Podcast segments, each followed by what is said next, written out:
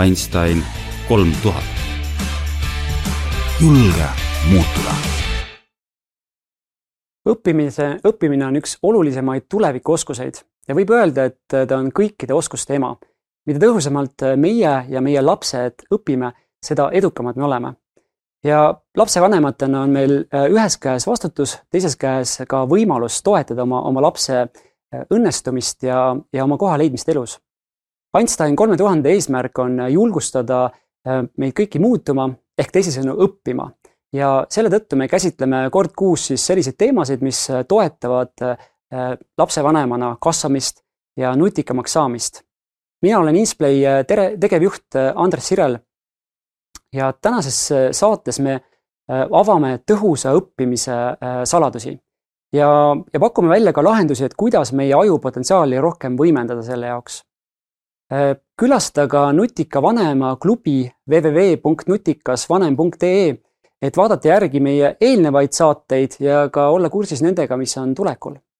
ja tänase saate külalised on äh, oma valdkonna sellised tipptegijad ja kes tunnevad ka õppimise selliseid praktikaid väga hästi. ja see õppima õppimine on mulle ka väga sihuke südamelähedane teema, nii et äh, saame siis tuttavaks. Kriste Talving, sina oled äh, haridusteadlane, kes õpetab Tallinna Ülikoolis äh, teisi õpetajaid õpetama. ja ühtlasi äh, õpetad sa ise inglise keelt Pärnu vanalinna põhikoolis. tore, et sa oled meiega liitunud, aitäh! tere, aitäh kutsumast! ja Tauri Tallermaa, oled tuntud kiirlugemise ja mälutreener ja sinu missioon on õpetada meile, kuidas mälu enda kasuks paremini tööle panna. et tere, Tauri, aitäh sulle, et said liituda tere ka minu poolt ja suur hea meel. tore. Ähm, meie saade jaguneb äh, kaheks, et esimeses pooles me äh, võtame selle teema rohkem lahti, räägime siis, et, äh, et mis on õppimine, sellega seotud huvi, motivatsioon ja teises pooles keskendume rohkem praktilistele lahendustele ja vastame seal ka vaatajate küsimustele ja tänase saate vahepala külaline on ajalooõps ja, ja haridustehnoloog Kristo Siig, kes on tuntud oma lahedate Youtube'i videode poolest. nii, aga hakkame otsast liikuma, et Kriste, et vahel meil kõigil juhtub ju nii, et et niisugune oluline info, mida on just vaja, et siis, aga seda ei suuda kuidagi meenutada, et kas see on päriselt meil unustatud või lihtsalt me ei suuda sellele kuidagi ligi pääseda, sellele infole?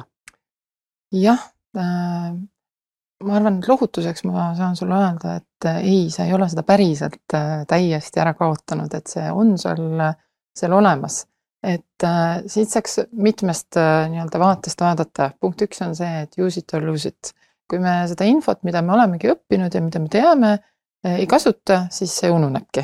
et ja, ja see viib sinnani, milles me õppimises räägime hästi-hästi tihedalt, et sellise aktiivse meenutamise olulisuseni et äh, selleks, et, äh, et me leiaksime selle tee sinna selle teadmiseni üles, on vaja jälle järje korduvalt ja korduvalt äh, aktiivselt oma mälust siis meenutada. väga hea, et neid praktikaid hakkame täna kindlasti veel jagama ka, et kuidas seda teha. ma muidugi täiendan. aga ole hea, Tauri selles mõttes, et, et eks selle meenutamisega nii ja naa. mul on endal kakskümmend aastat seda teemat käsitlenud ja mul on alati see ebamugav tunne, et kui keegi küsib mu käest küsimuse, ma ei saa kunagi vastata konkreetselt jah, nii on. sest alati on ka veel see teine pool, on ju, sest et võib-olla ka, et mõni asi on päriselt kaduma läinud. et noh, mõnda sa ei leiagi üles. et kui me hakkame täna näiteks kasvõi vaatama oma mingisuguseid kooliaegseid õppimisi, õpime koos lapsega kuuenda või seitsmenda, kaheksanda klassi teemasid, siis ma vaatan mõnda asja, et no, no kas ma olen seda õppinud päriselt või? ja mõne asja puhul ma vaatan, jah ma tean seda valemit, issand, ma mäletan, ma, ah. ja see on niisugune äratundmise, issand, ma olen ka koolis käinud kunagi. ehk siis äh, absoluutselt õige, kui sa ei kasuta, siis unustada. aju ei ole faktide meeldejätmiseks, ega koolis õppimine ei ole selleks, et sa peaksid kõike koolis õpitut mäletama elu lõpuni. ja ma no,, ma mäletan, kui mina lõpetasin, sellest on juba hästi palju aega möödas. lõpetasin kooli, siis öeldi, et te olete kõige targemad lapsed, kõige targemad, maailma kõige targemad, mõelge, kui palju te olete õppinud Te teate, mitu protsenti inimesed mäletavad pärast mm. kooli sellest, palju nad mäletavad, palju õppinud on? neli protsenti. psühholoog Anu Virover ütles, et neli protsenti, no võib-olla, võib-olla mõnel viis, võib-olla mõnel kolm on ju.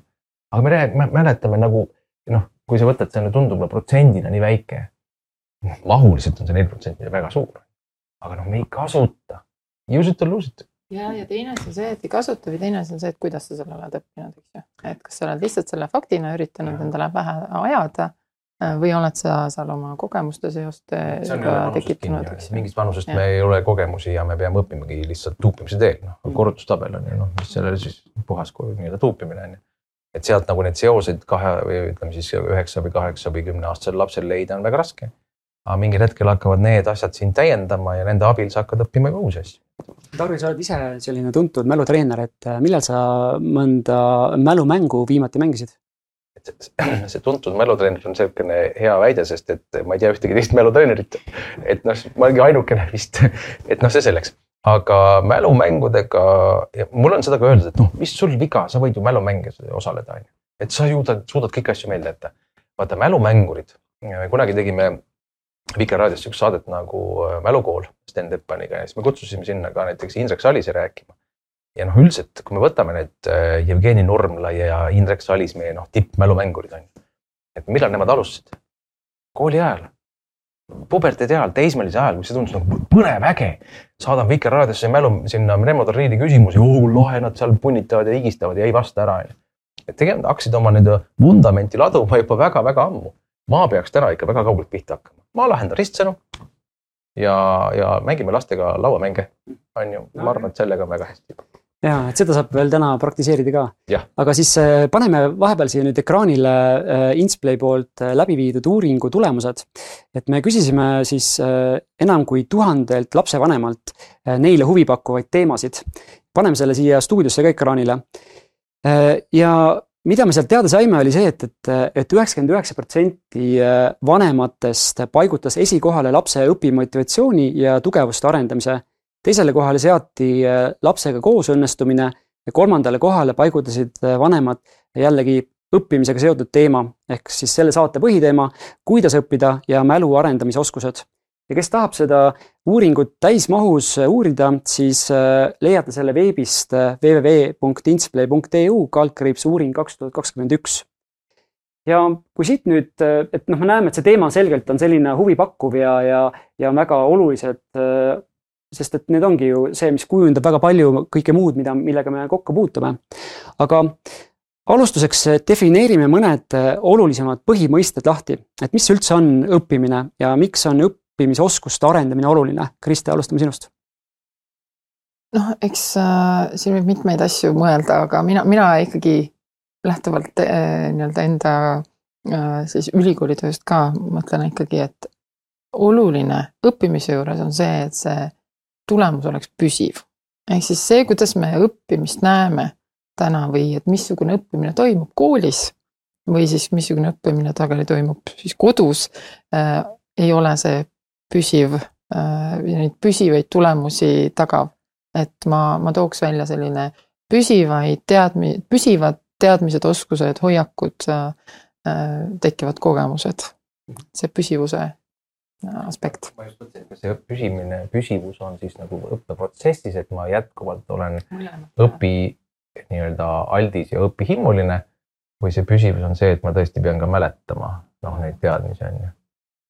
Ma tegelikult koolis peab mäletama ju kuni eksamini sageli see nii on jah. kontrolltööni või no, tunnikontrollini no, äkki veel tagasi, vähem või? kuni tagasisidestamiseni on ju, noh, selles mõttes, et, et kui sa võtad nagu tavalast on ju, et ega ma mäletan, mul tütar lõpetas ka aegu tagasi juba, lõpetas kooli, ütles, et ma ei taha ühtegi kooli näha enam, ma ei taha ühtegi õppimist enam, mul on nii kõrini ehk siis muidugi läks edasi õppima, on ju, ja sai õppimisega tegeleda. selle juurde me tulemegi tagasi ka, et, et, et kuidas seda tegelikult seda, seda õppimist näha nagu laiemalt, et, et see ei olegi võib-olla ainult see, et sa õpid üheks eksamiks. et ähm, aga siis, mis see mälu siis omakorda on? Tauri, kuidas sina sellele vastaksid? mis see mälu on või mulle meeldis ikka vanasti, noh, mõtlen, kuna ma kakskümmend aastat seda teemat käsitlenud, sellel aastal muideks ongi kakskümmend aastat saab täis, oota, mis kakskümmend üks, kuulge, mul saab, no ühesõnaga umbes peaaegu täpselt arvestades, millal saade eetrisse läheb, siis ma kohtusin kakskümmend aastat tagasi sihukese mehe nagu kaheksakordse mälumaailmameistri Dominic O'Brieniga. ja sealt kogu mu see teekond pihta hakkas. ja siis ma, mulle meeldis nagu sõnastada mälu kõige lihtsamini Eesti kolme käände järgi. sisse ütleb, sees ütleb ja seest ütleb. ehk siis sa pead selle saama sinna sisse. ja see on täna meie põhiprobleem tegelikkuses. see tihtipeale, kui sa ei mäleta, siis sa lihtsalt ei ole tähele pannud. Noh, väga tihti on see probleem, et ma ei keskendu, ma ei jaksa, ma ei viitsi, mind ei huvita, mis iganes see põhjus on. teine, et see püsiks sees, vot see on see, et see püsiv õppimine protsess on see, et see püsiks seal sees. et selleks sa pead nüüd tegema midagi ja selleks, siin on need tehnikad, nipid, nõuanded, noh, see on see, et mina olen puhtalt praktik, mina ei, ei tee teadust, mina ei ole hariduselt psühholoog.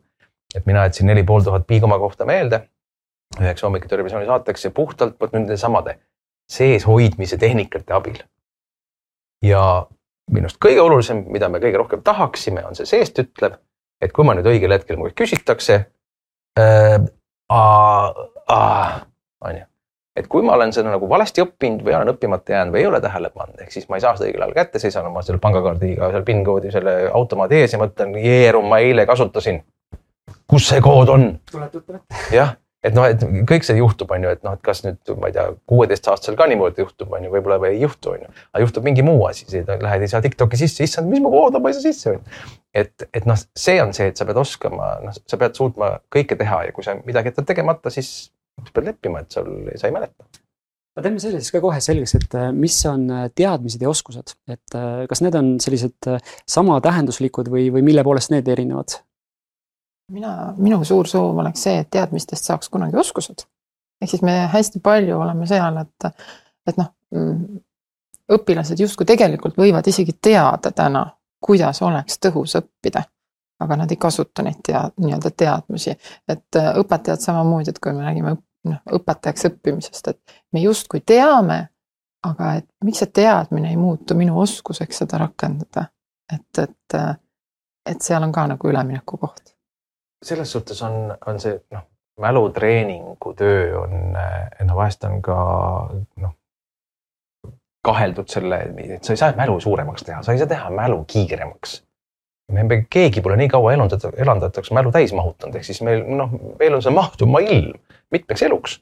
et mida sa siis treenid, tegelikult ongi see, et sa, sa, sa õpid nagu teadvustama tehnikaid, et miks, mis minu töö on olnudki selle kahekümne aasta jooksul, on see, et ma võin ju rääkida. Aga kui sa ise ei tee, ehk sul oskusi ei ole, sa võid lugeda teadmisi, mul on virrade viisi raamatuid, ma olen ise raamatuid kirjutanud, et sa võid ju neid teada, kui palju. aga nüüd ja, ja siit tulebki minu arust nagu hästi oluline mida ma ka õpetajatele alati räägin, kui mina räägin õpetajatele, ma küll ei õpeta õpetajatele õpetamist. ma räägin õpetajatele, kuidas õpitakse. ja, ja selles mõttes, et, aga mul ei ole seda pädevust, et rääkida õpetajatele õpetamisest. Teie olete selleks seal ja, ja teete seda väga hästi. aga, aga et mida ma räägin neile, et mis on hariduse eesmärk? miks peab pagana inim-, vabandust, miks peab inimene käima kakskümmend aastat mõni, eks, võib-olla kaksteist aastat, mõni kuusteist aastat koolis elevandipoeg sünnib kaheksakümne kilosena ele, elevandi emme, lükkab ta londiga püsti, siis hakkab tegutsema. tal ei ole midagi vaja rohkem harida ennast. ja mis on kogu selle õppimise eesmärk, kui me ainult nelja protsenti koolis õpitust mäletame, siis järelikult ei ole ju teadmised meie eesmärk. eesmärk on hakkama saada ise, iseseisvaks saada, ise tulla toime ehk osata nüüd kõike seda teadmisi hakata rakendama ja noh, sellepärast ka ju gümnaasiumis minnaksegi üha rohkem selliseks analüüsimiseks ja arutlemiseks, et sa hakkad teistmoodi mõtlema. et see ei ole nii, et jutusta ümber, mis seal meelde jäi, vaid lugesid läbi, vaat nüüd paneme teise teema kõrvale, püüa nüüd kokku panna, hakkad arutlema. me tegelikult ju räägime sellest, et me tegelikult kogu see kool ja õppimine on inimese mõtlemise arendamine tegelikult, ehk siis ongi päriselt äh, erinevad mõtlemise tasandid ja, ja, ja selleks, et me täiskasvanud inimesena nii-öelda ellu minnes saaksime teatud viisil asjadest mõelda ja elus hakkama saada ja toime tulla. et ennem käisid läbi näiteks see ka, et, et, et on vaja näiteks võib-olla arutleda kellegiga, et mm. sel teemal, et noh, seda on ka ju erinevad uuringud öelnud, et, et, et meil kõigil on erinevad õppimisstiilid, et kellele siis äh, võib-olla sobib rohkem silmadega õppimine, kõrvadega või ka selline arutlemine või läbikirjutamine, läbi tegemine, et äh, millised on need peamised õpistiilid ja, ja kuidas oleks võimalik siis leida see, mis äh, endale kõige paremini sobib? Tauri äkki alustame sinust? Noh, ütleme niimoodi, et ikka valdav enamus inimesi peavad nägema. jah, et meil, meil kõigil on, kusjuures noh, ma võin esitada jälle sihukese intrigeeriva küsimuse, et mitu meelt meil siis on, et kui sa räägid nägemise ja kuulmise on ju, meil on meeli veel, siis teadlased suudavad meeli kokku lugeda kuni kakskümmend mida rohkem meeli sa õppimise käigus ära kasutad, seda lihtsam on sul seda hiljem taas elustada või üles leida sealt meelte virvarrist onju. aga et jah, valdav enamus, ma olen, mul on õnnestunud näiteks ka pimedaid õpetada. Ma tegin sulle hästi suure prohmaka sellega muidugi, kui ma esimest korda nendega kokku sain, siis ma ei märganud, ei pannud tähele, et tegemist on pimedatega, ma kuulsin, et on puuetega inimesed. Ja ma mõtlesin, et noh, ratastoolis ja noh, ja siis võtsin kirjalikud testid kaasa, et ma hakkan nendega kirjalikke teste tegema, siis tulid mul pimedad saal klassi ja okei. Okay.. ja siis äh, ja noh, vaata pimedatel on äh, teised meeled kompenseerivad puuduvat nägemist. Enamus nägijatel äh, kuulmine ei ole noh, ligilähedanegi sellele, mis, mis on pimedatel inimestel. ehk siis tegelikkuses need meeled, noh, mida me kasutame, me näeme, kuuleme, tunneme, inimesi jagatakse ka rühmadesse kuskil seitsekümmend kaheksa protsenti on ikkagi need, kui ma olen näinud et äh, veame kihla on selline mäng, ma olen seda karpi näinud, ma lähen poest, mul on palju lihtsam osta. aga kui keegi ütleb, et kuule, et mine osta see veamekihla. no mis asi see veamekihla, oleks ma näinud seda kaantki vähemalt, oleks palju lihtsam selle järgi osta. Et kui mul on näiteks soovitatud kirjandus, mida ma koolitusel kasutan, siis ma näitan neile raamatuid, on ju. mitte kirja, et mis on nagu, mis raamatu pealkiri autor on, vaid sa näed nagu raamatu värvi ja sa näed kaane paksust, üldse paksust, on pehme kaan, kõva kaan. ehk siis me tahame näha mida rohkem me kasutaks õppimise käigus ka näitamist, et kasvõi arvutuskäiku, on ju. mitte lihtsalt räägime sellest. muidugi on inimesi, kellel piisab rääkimisest, mul kunagi oli, koolitusel käis kadunud Hillar Nahkman, kes oli Vikerraadios toimetaja, ütles, et tema istus koolis, õppis niimoodi, et ta istus ühikas, lasi, lasi klassi või kursa vendadel kõva häälega lihtsalt raamatut lugeda. tema kuulus, jättis kõik meelde ja läks vastus ära.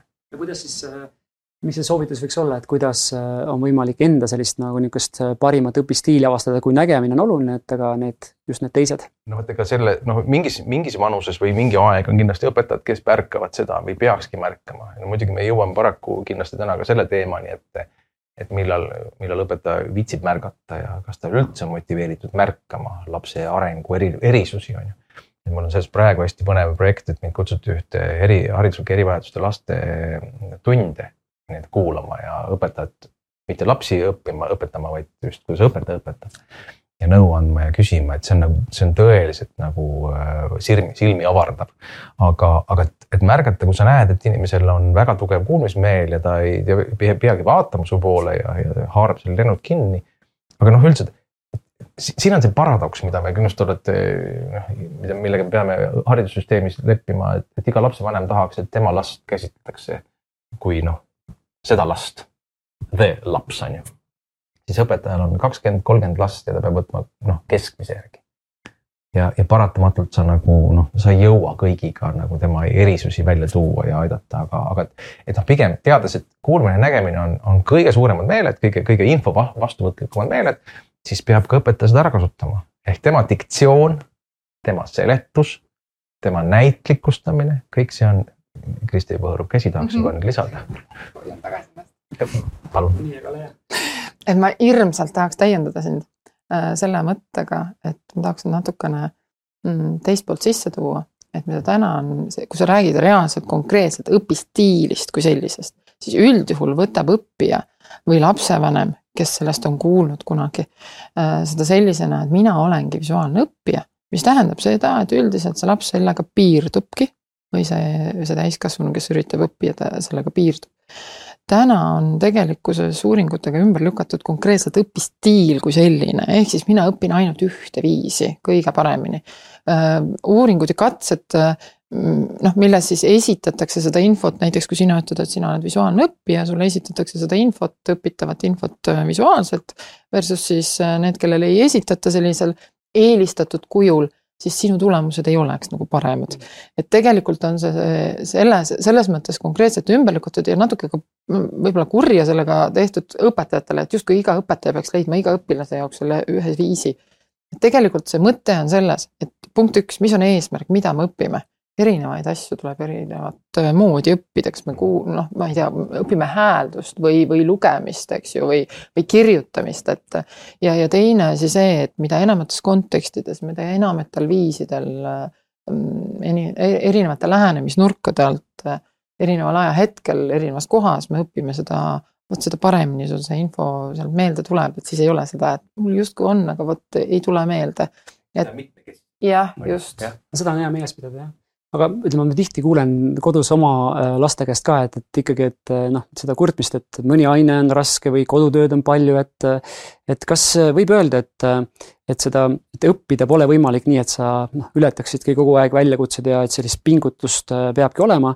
et äh, ja kuidas äh, võiks äh, lapsi sellises olukorras toetada, et et aidata neil mõista, et selline raskuste ületamises peitubki selline võlu ja, ja eduelamus jah, et äh, pingutuste ja vigadeta nii-öelda olukorrad äh, õppimise seisukohast, olukorrad, kus pingutust ja vigu ei ole, on üsna mõttetud olukorrad. et, et tegelikult, kui me mõtleme, mis meil seal pea, peas toimub, eks ju, et meie neuronite vahelised ühendused aktiveeruvad, siis sellise pingutuse ja vigade hetkel nad aktiveeruvadki tegelikkuses. et kui me oleme käinud terve koolipäeva ära, pole selle päeva jooksul kordagi pingutama pidanud või vigu teinud, siis see on suhteliselt mõttetu päev. kuidas lapsi aidata, ma ei tea, selle asemel, et küsida, mitu viite said, võib-olla küsiks, et äh, kes kõige hullemini täna pusis millegi kallal. et mul oli ikka kõva pähkel närida täna. et, et, et läheneda selle nurga mis alt. oli peamine väljakutse? mis oli peamine väljakutse täna just. jälle nüüd ma täiendan ka on ju juurde selles, et mis on tänase maailma üks suur häda, on see, et äh, lapsed ei viitsi pingutada. miks ma peaks pingutama? kus sama asja ma saan nagu kuskilt äh, ekraani pealt ju palju kiiremini kätte. et äh, kas ma pean seda tõde õigust vaatama või nii-öelda lugema, kui ma, kui ma saan selle sealt videost palju lihtsamini kätte. ja kui sa hakkad mõtlema noh, hariduslikult seisukoha pealt, siis ma tahaks ju, et ta saaks selle sõnumi kätte ja kui ta lugeda seda sõnumit kätte ei saa, aga filmist saab, siis lõpuks on ta ju pointi kätte saanud, on ju. et, et võib-olla selles mõttes oleks ju sellest isegi kasu, aga, aga kuidas nüüd õpetada lastele, kuidas selgeks teha, et, et, et see pingutus ongi vajalik, noh, Jaan Arv eelnevates saadetes on seda nii kordades räägitud. igas praeguses saates on see läbi käinud, et, et see on see võti ja see on see vili, aga, ja no ma vahest toon selle näite, et kui sa nagu Tiktoki vaatad, siis mõtle vahest niipidi, et see, kes on selle Tiktoki teinud, selle video, see on pingutanud. ja, ja võib-olla mõni on teinud ühe korra ja, ja ta rohkem ei viitsi, sest keegi ei ole seda vaadanud. aga need, kes, kelle omasid sa pidevalt näed, nad näevad vaeva, nad näevad kurja vaeva. Nad pingutavad ja võib-olla see on ja, ja see ei ole lahe ja pluss veel see, et, et inimene hakkab kohe võrdlema. just täna just posti selle näite, et, et kui sa näed kellegi mingis, ma ei tea, Instagramis kellegi pilti soojal maal, mõtled, issand, ta on Bali saarel, jube lahe, siis sa tegelikult ei tea konteksti sa ei tea, mis olukorras ta seal on, võib-olla ta on oma viimases hädas sinna läinud ja kõige maailm peab talle vihane ja ta lihtsalt ja ta on kõigest tülis ja ta, ja ta on, ta on, ta nutab seal. sa näed seda ilusat pilti, mis tekitab sulle nagu selle kujutluse, ehk siis me maailm hästi palju teeb meid elu lihtsamaks. ja see on see koht, kus lastel noh, mida tänagi öeldakse, et me ei, nad ei taha pingutada, nad ei viitsi pingutada, sest asjad käivad palju lihtsamalt. väga hea, sellest me kindlasti veel nagu veel jätkame, aga, aga siis äh, vahelduseks, et äh, meie pingutame selle nimel, et, et tuua äh, nagu arengusse rohkem mängulisust. meil on täna siin üks äh, laomäng kaasas. nii et äh, teeme väikse mängu soojenduseks siia veel. jah, just, et ühesõnaga mäng on siis Veame kihla, see on üks Eesti popimaid mänge ja äh, teeme nii, et, et siis kummagile kõigepealt jah-ei kaardid, et need, nendega saate panuseid teha jagan teile mõlemale ka kaks siis sellist väljakutse ehk küsimuse kaarti.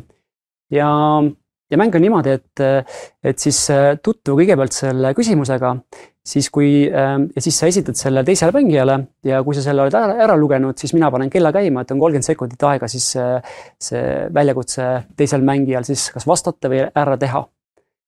nii et olete valmis? ei, muidugi. okei väga hea, aga Kriste, alustame sinust, sa äh, siis äh, kõigepealt pane panus lauale ja siis loe see äh, küsimus ette. Ma ei tea sind, noh, see on päriselt selline see on- küsimus, et ma ei tea. perekeskne mäng. Nonii, nii, ole hea. kas mängija suudab nimetada kuus erinevat vürtsi? aeg läks. safran, pipar, vürts ja või omal siis on kajenn, siis on on, olemas. siis on kuus. mm, kuus, noh, oota pipar, kajenn, valge pipar, musta pipar ei lähe, siis on, kaardus jah. siis on äh, vürts äh,. Äh, kus mu abikaasa on ütle mulle palun ette. ma seda mõtlesin, et ma ei tea, kas sa oled köögis või? jah. no aga mis, mis oleks, mis mul, mis mul nimetamata jäi? Nelk. vürts või? Ma, ma oleks siin lugenud neid küll isegi õigesti. meil on see, aitäh, aitäh. tõesti arvasin, et äkki. ei, siin on see, see on see kolm, viie sekundi mäng, ma see on ka teie oma või? viis sekundit. see, see ei ole muidu meie oma. ühesõnaga see, see üks, üks mäng on selline, kus peab siis äh, mingi viie sekundi jooksul vastama kolm ühesugust asja. ja minul on alati see küsimus, et aga kas sa mõtlesid seda või? ma hakkan nagu vaidlema oma küsimust peas. ütled, vasta midagi suvalist ära, onju. ei, ei. nii, nii, mina panen sulle. panus ära. Teed mulle tagasi nüüd. küsimus on. tulista. kas mängija suudab nimetada kolm Ameerika Ühendriikide osariiki, mis algavad M tähega? Michigan, Mississippi, Massachusetts, Massachusetts, Massachusetts. Massachusetts. on. Maryland on ka vist. Maryland. Milwaukee. Milwaukee. super see oli ikkagi. sa arvasid, eks ju? ma arvasin, et ei vasta ära ma ise ei oleks vastanud. no aga teeme ühe raundi veel, siis äh, vaatame. nii, oota, ma kohe vaatan selle mm.. muidugi mm.. nii. nelkaneel, oota, ma jätkan eelmist no nii, loeta. nii, kas mängija suudab nimetada viis Eesti linna, mis algavad K tähega? Tead, kui palju neid kokku on? Neid on kümme Keila, Kallaste, Kuressaare, Kärdla, Kilingi-Nõmme. noh, need on juba käes on, on ju, ja siis tulevad veel äh, Kohtla-Järve, ütlesin või ei öelnud Kallaste oli seal on ju ja Keila. sa oled nagu seda juba enne vastanud jah? ja neid on kümme, kõige rohkem K tähega. tubli, aga nii. see läks täppi. väga hea, nii, Tauri. oota, kui vana sul lapsed olid? Kaheksa ja seitseteist um,. Nonii. kas mängija suudab nimetada seitse lauamängu oh.? Äh, veame kihla mm,, tsirkus uh,, reis ümber maailma. Eesti mäng mm -hmm. on, eks on, ju, doomino. ja viis olemas. ma nimetasin ennem ühe veel see mm, noh, ütle nüüd see rahaga see uh, jeerum see mm.. müüd, osta, tappi, mis see on nüüd see? ei no see, noh, see, mis mm., millest tuli tuhat üheksasada kolmkümmend üks välja, noh, ma, ma. monopol. aga. no kuus. jah, kuus tuli ära. hea, aga mis panus. viis sekundit on, mis ma ütlesin, vaata enne mängu. jah. Jah siis muidugi kaardimängud on ka ja. no ma ei tea, jaa, aga ma ei julgenud nagu kaardimängu öelda. tead, ma selle kaheksa aastase lapse puhul ma eeldasin, et, et võib-olla isegi on mängusid on, aga mina oleks küll eeldanud no,. tsirkus ja reis ümber maailma on olnud ju siiamaani põhiline Eesti. nii. Need ei, jaa. väga hea. aga ma panen selle ka. noh, las läheb siia. nii, aga nüüd on, ta on juba, juba, oleme päris soojad, me saame siit kohe jätkata. et väike mäng vahele ja, ja siis lähme jälle tõsisemate teemade juurde. et ähm, aga rääkides nendest äh, mälumängudest ja sõnamängudest ja et kuidas teile tundub, et, et kui neid kodus äh, tegelikult pidevalt äh, mängida, kas see võiks toetada ka laste huvi, silmaringi laiendamist ja miks mitte ka seda, et, et, et neil sellist praktilist meeldejätmist ja meelde tuletamist oleks lihtsam teha absoluutselt jah, seda use'it on nagu, mida enam seda use'it tuleb, et seda kasutamist ja muidugi on mänge, kus peadki meelde jätma mm, -hmm. kus on need leiapaarilised, on ju. et eh, see on see pool, aga, aga jällegi tulles tagasi, et mis on üldse hariduse eesmärk, õpetada ise hakkama saada.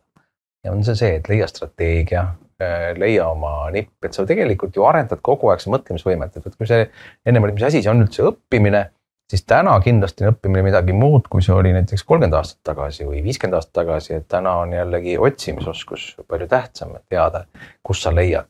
et äh, lihtsalt selles maailmas, et äh, noh, kasvõi sama leiad sa seal siis Google'is või, või internetis kuskil midagi üles, on see ka oskus, mida sul tõenäoliselt võime öelda, et, et ah, mis see siis on, aga elu on ju selline edaspidi niikuinii kogu aeg, see kuskile ära ei kao et ka see oskus on ju tegelikult tähtis. Ja kui sa seal toime tuled selle mõtlemise, ehk see arendab sinu sedasama neuronite vahelist seda elektrooniimpulsside liikumist, et noh, see toimiks. mänge on nii erinevaid, et noh, et neid noh, üleüldse mängude eesmärke on ju niivõrd erinevaid, et, et kasvõi see, see mäng või siis ma ei tea, mingi info, noh ongi, seal on absoluutselt teised eesmärgid.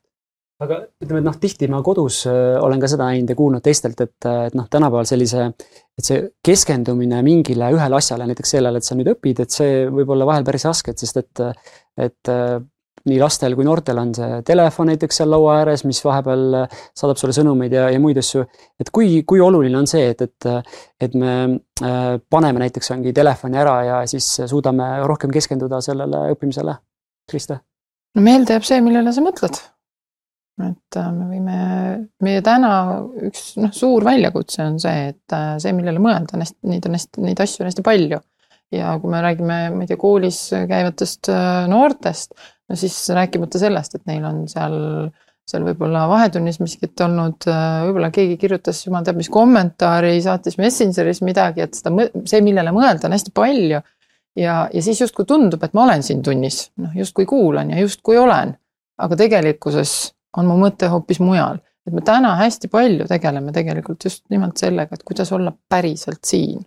et siit nagu see soovitus võikski olla ikkagi, et, et luua selline õpikeskkond, kus. vaata ümber enda, mis sul siin on, et me isegi äh, üliõpilastega Zoomi loengutes alustame tegelikult sellega, et vaata ümber enda, et kas sul on midagi, mis võib sind segama hakata, et kas su töölaud on korras ja, ja kas su telefon vilgub ja täna oma seitsmeteistaastase pealt tahan, et selline hirmus vilkumine tuleb, et noh, et, et seda häält ei tulegi, neil on hääletu peal, aga tuleb mingisugune meeletu selline tuli sealt, et noh, sellega ei olegi võimalik ju tegelikkuses õppida, kohe on läinud. mul, mul oli, mul oli üle kümne aasta tagasi, kui oli üks laps oli kuuendas klassis ja ja läksin tundi, või ma läksin tundi, läksin äh, tuppa tal õhtusel ajal, kui tema teeb siis koduseid töid. ja no mis ma siis avastan? telekas mängib, onju. arvutiekraanis on lahti mingi vestlus, no see oli üle kümne aasta tagasi, siis ei olnud neid TikTok'i asju onju, siis oli Messengeris mingi vestlus käib ja siis tal on õpikud ja vihikud lahti ja siis ma tahaks nagu lapsevanemana tõsta rusika püsti ja lüüa kaks jalga maha, öelda, et nii ei saa, sa ei tohi ma olen umbes, ma olen mälutreener ja kopsud õhku täis ja uh, lasin kopsud välja, sest ma ei saanud midagi öelda tal on kõik viied. ta õpib viitele, tal ei ole, tal ei ole tunni, tunnistuse peal mitte ühtegi muud hinnet, on ju. kuidas sa ütled, et ei saa? saab. ehk siis tegelikkuses on ju see, et sa võid treenida oma tähelepanuvõime, oma aju ära, mis iganes keskkonnas hakkama saama. see lihtsalt võtab aega, sa tuled toime ja su aju harjub ära, sa saadki selle õppimisega selle virvarri sees ära. muidugi seal on segavaid faktoreid rohkem, kui võib-olla peaks olema teine äärmus, absoluutne vaikus ei ole ka kuidagi hea, sest piisab sellest, et kuskil midagi ragiseb, nagiseb ja juba on tähelepanu läinud, on ju. ehk alati see noh, nii-öelda nivoo keskel on kuidagi parem olla, aga mis ma talle ütlesin, korraks segan veel, lõpetan ära. et mis ma talle ütlesin, see, et, et see ja sa saad hakkama. aga tead, kus sul võib tekkida probleem? siis, kui sul ei ole seda ümberringi. sa oled tunnis, teed kontrolltööd, sul on vaikus, sul ei virvenda, sul ei kosta midagi, sul ei käi mingisugust melu ümberringi ja siis su aju on, halloo, ma ei saa keskenduda, ma tahaks seda, seda elu, mis ma olen, millega ma olen harjunud. ehk siis pigem seesama mitmekesistamine ehk harjutage ühte, harjutage teist, olge ühes keskkonnas, teises keskkonnas, proovige oma ajul nagu õppida, see võtab aega, vot see on see, milleta me, me, me ei, inimesed ei viitsi enam pingutada, aga milleta me ei saa. aeg, aju vajab aega. aju vajab tohutult kaua arenguks aega, ehk siis, kui me lõpetame ülikooli ära, siis ka tegelikkuses enamustel ei ole veel aju veel valmis saanud täie rauaga tööle, eks. ehk siis tema täiskasvanulik osa, see prefrontaalne korteks on veel noh, nii-öelda on juba lõpusirgel. aga, aga sinnamaani no see, see areng on nii pikaajaline ja see nõuab aega. see pingutus nõuab aega ja miks peab koolis käima kaksteist aastat, sest et sa ei ole valmis lihtsalt varem, sa ei ole ellu minema valmis tegelikult see pole seal ka nagu tegelikult selline võib-olla sihuke kõrvalnäht, et, et isegi kui sul hinded on head ja ma näen seda kodus ka, aga samas see, see stress ja see selline pingutus, mis tegelikult on vajalik selleks, et sa nii-öelda selles nagu tohuvapohu keskel või noh, sõnumite keskel saaksid keskenduda, et see võtab nagu lisaenergiat. et pärast sa oled lihtsalt nagu palju tühjem no vaata, tähelepanu juures on alati oluline ka see, et, et noh, meie töömälu maht on siiski nagu piiratud. et, et ja, ja siin on iga õppija erinev et äh, töömaailma maht on erinev, see, kuidas nad seal hakkama saavad, on erinevad, eks ju. et, äh, et kui mul noh, seesama Messenger võtab ühe töömaailma ühiku ära, on ju ja ma ei tea, aken on lahti, naaber hakkab muru niitma esimest korda kevadel siin, eks ju, võtab teise töömaailma ühiku ära. ja siis on mingi ärevus, mis, mis ka kipub, kipub tulema sinna sisse, et, et siis mul jääb neid ühikuid nagu päriselt õppimise peale aina, aina vähem et tegelikult äh, noh, siin, siin on alati vaja mõelda ka sellele ja tähelepanu probleemi ja töömälu probleemi aetakse sageli ka sassi. lihtne on niimoodi võtta, et, et jah, meil mälumahul ei ole probleemi, sa võid kõik oma kooli õpitu siia rahulikult ära mahutada ja sul on eluks veel ruumi küll sinna jäänud, on ju. küll on aga probleem selles, selles, et, et õppimine iseenesest, kui, kui tegevus nõuab ajus või noh, kehast tohutult palju energiat. Ehk siis see pingutus on väga energiamahukas, see on aeglane ehk iga kord ajus, kui ta teeb midagi esimest korda, siis see on see aeglane, see nõuab pingutust, neuronite vaheliste seoste otsimist. see on see vaev, mida me ei tahaks teha, sest see, see on ju pingutus. vot selle, seda energiat ei ole lihtsalt lõputult võtta.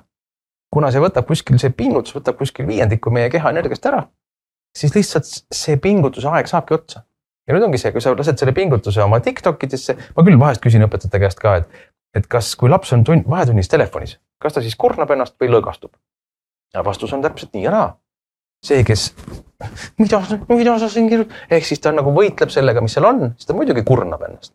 ja teine, kes istub seal, ehk ta lõõgastub ja ta tegelikkuses ei koorma oma tähelepanuvõimet, oma nii-öelda energiat ei raiska selle peale, vaid ta lihtsalt laseb ennast tühjaks, lihtsalt vahepeal teeb mingit vahetust räägime ka siis äh, õpetaja rollist äh, õpetamisel, et äh, noh, seda me vist kõik teame, et, et mõned õpetajad teevad aine väga põnevaks, motiveerivad õpilasi õppima ja teised mitte nii palju. et kuidas seda lahendada, et, et kui, kui laps ja noor ütleb, et tund või mingi aine on tema jaoks väga sihukene igav ja ta ei näe selle lõppemisel mingit mõtet, mis võiks olla see sihuke toetav osa lapsevanema poolt? kust me pihta hakkame haridusministeeriumist või, või kohast me pihta hakkame? ütlen, et lähme, lähme loenguruumidesse nüüd tagasi onju. et, et noh, lapsevanemana kindlasti on, on omajagu murekohti siin selles mõttes, et noh, ma olen siiski arvamusel, punkt üks, et äh, täna õppijad, õpetajad ja lapsevanemad on ikkagi partnerid ja meil võiks olla see tagasisidestamise koht ikkagi ja, ja õpetaja ei peaks äh, nii-öelda kaitse, kaitsema ennast seal et tegelikult see tagasiside, et kui kellelgi on igav, on ju, on ju hea tagasiside selles suhtes, et ma peaks nüüd miskit muutma.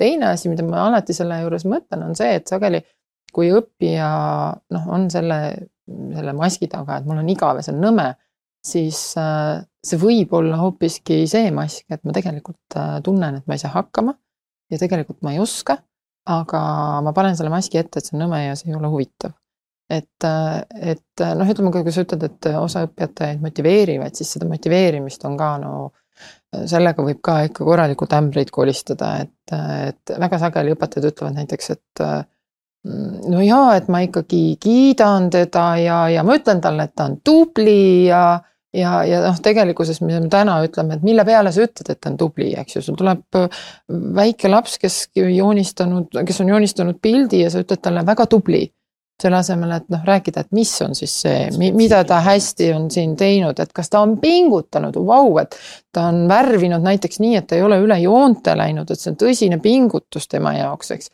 aga me ütleme lihtsalt tubli, me ütleme ainult sellele tulemusele, et see on tubli. et, et noh, see motiveerimine läheb siit ka nagu väga suureks ja laiaks.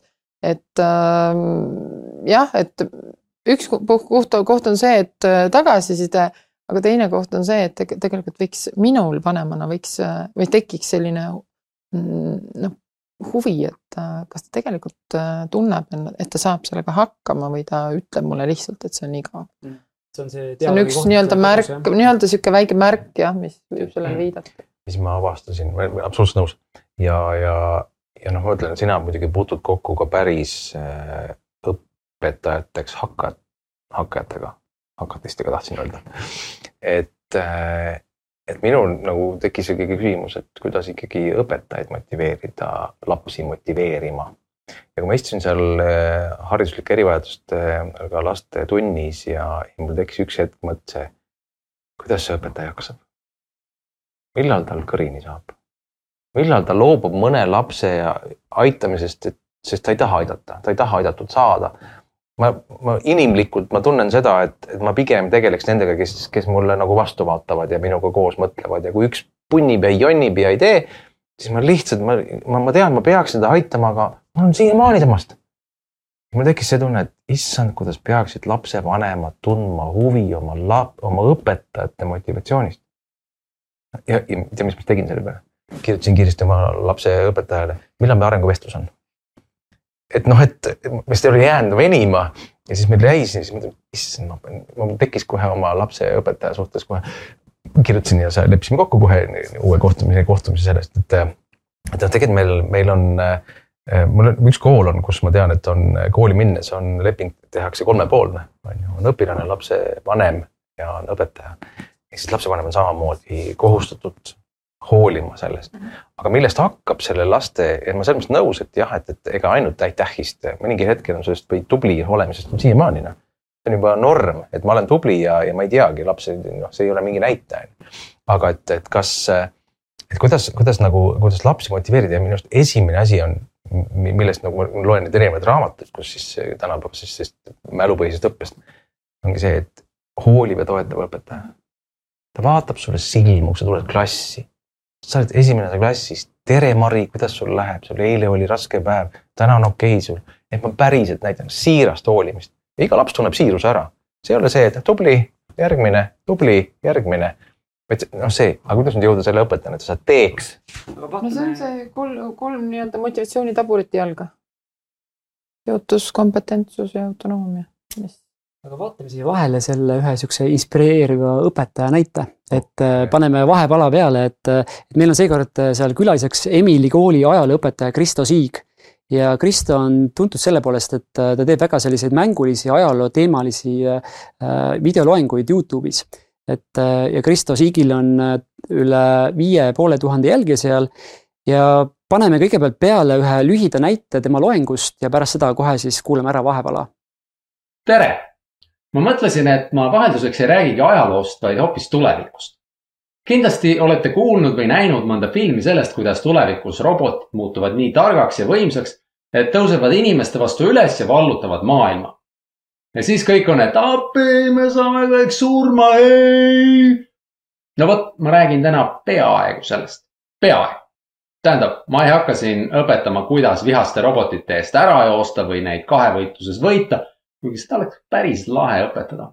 vaid selles videos ma tahan teile anda natuke tarka nõu selle kohta, mida ja kuidas õppida, et tulevikus elus hästi hakkama saada. esiteks, mis värk nende robotitega ikkagi on?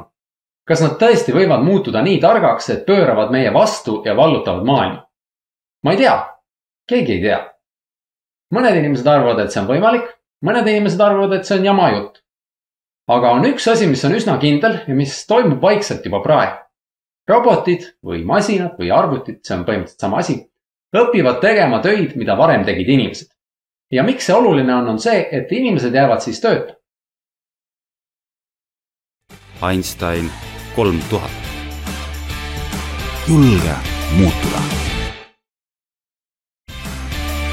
vahepala.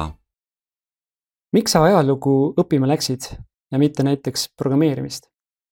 sellel hetkel, kui ma pidin otsustama, et mida õppima minna, siis ma lihtsalt äh, tundsin ajaloo vastu väga suurt huvi või noh, olin kogu äh, nooruse tegelikult tundnud ja siis mul oli ka mingisuguseid muid variante, aga ma lõpuks läksin nagu kõige kergema vastupanu teed, et äh, võib-olla äh, hiljem tagasi vaadates oleks otsustanud võib-olla isegi teistmoodi, aga, aga tol hetkel äh, läksin, läksin sinna no ma usun, et samas on hea ju, et sa nagu kuulasid ennast, on ju, mis sul tol hetkel huvi pakkus, et tihti ju see viib mingi uue, uue põneva kohani. Ehm, jah, aga eks mul oli selles mõttes ka te teised asjad oleksid huvitanud, et, et see ei olnud küsimus, et see oleks ainus asi olnud elus, mis huvitab, aga, aga, aga nii, nii ta läks jah.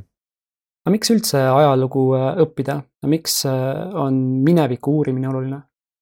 no sihuke klassikaline vastus sellele küsimusele on see, et selleks, et äh, mineviku vigadest õppida, et äh, kui me vaatame kasvõi praegu, mis Venemaal toimub, et siis mul on tunne, et äh, seal ei ole, seal võib-olla isegi ajalugu kui sellist nagu õpitakse palju või sellest, selle üle mõeldakse palju, aga keskendutakse minu meelest nagu valedele asjadele, et, et minu meelest ei peaks õppima nii palju mineviku sõdadest, vaid pigem sellest, et kuidas noh, näiteks võib-olla kõige olulisem asi, mida ajaloost õppida minu meelest on see, kuidas demokraatlikes riikides võib tekkida diktatuur ja milliseid tagajärgi see inimestele kaasa toob, eks ole.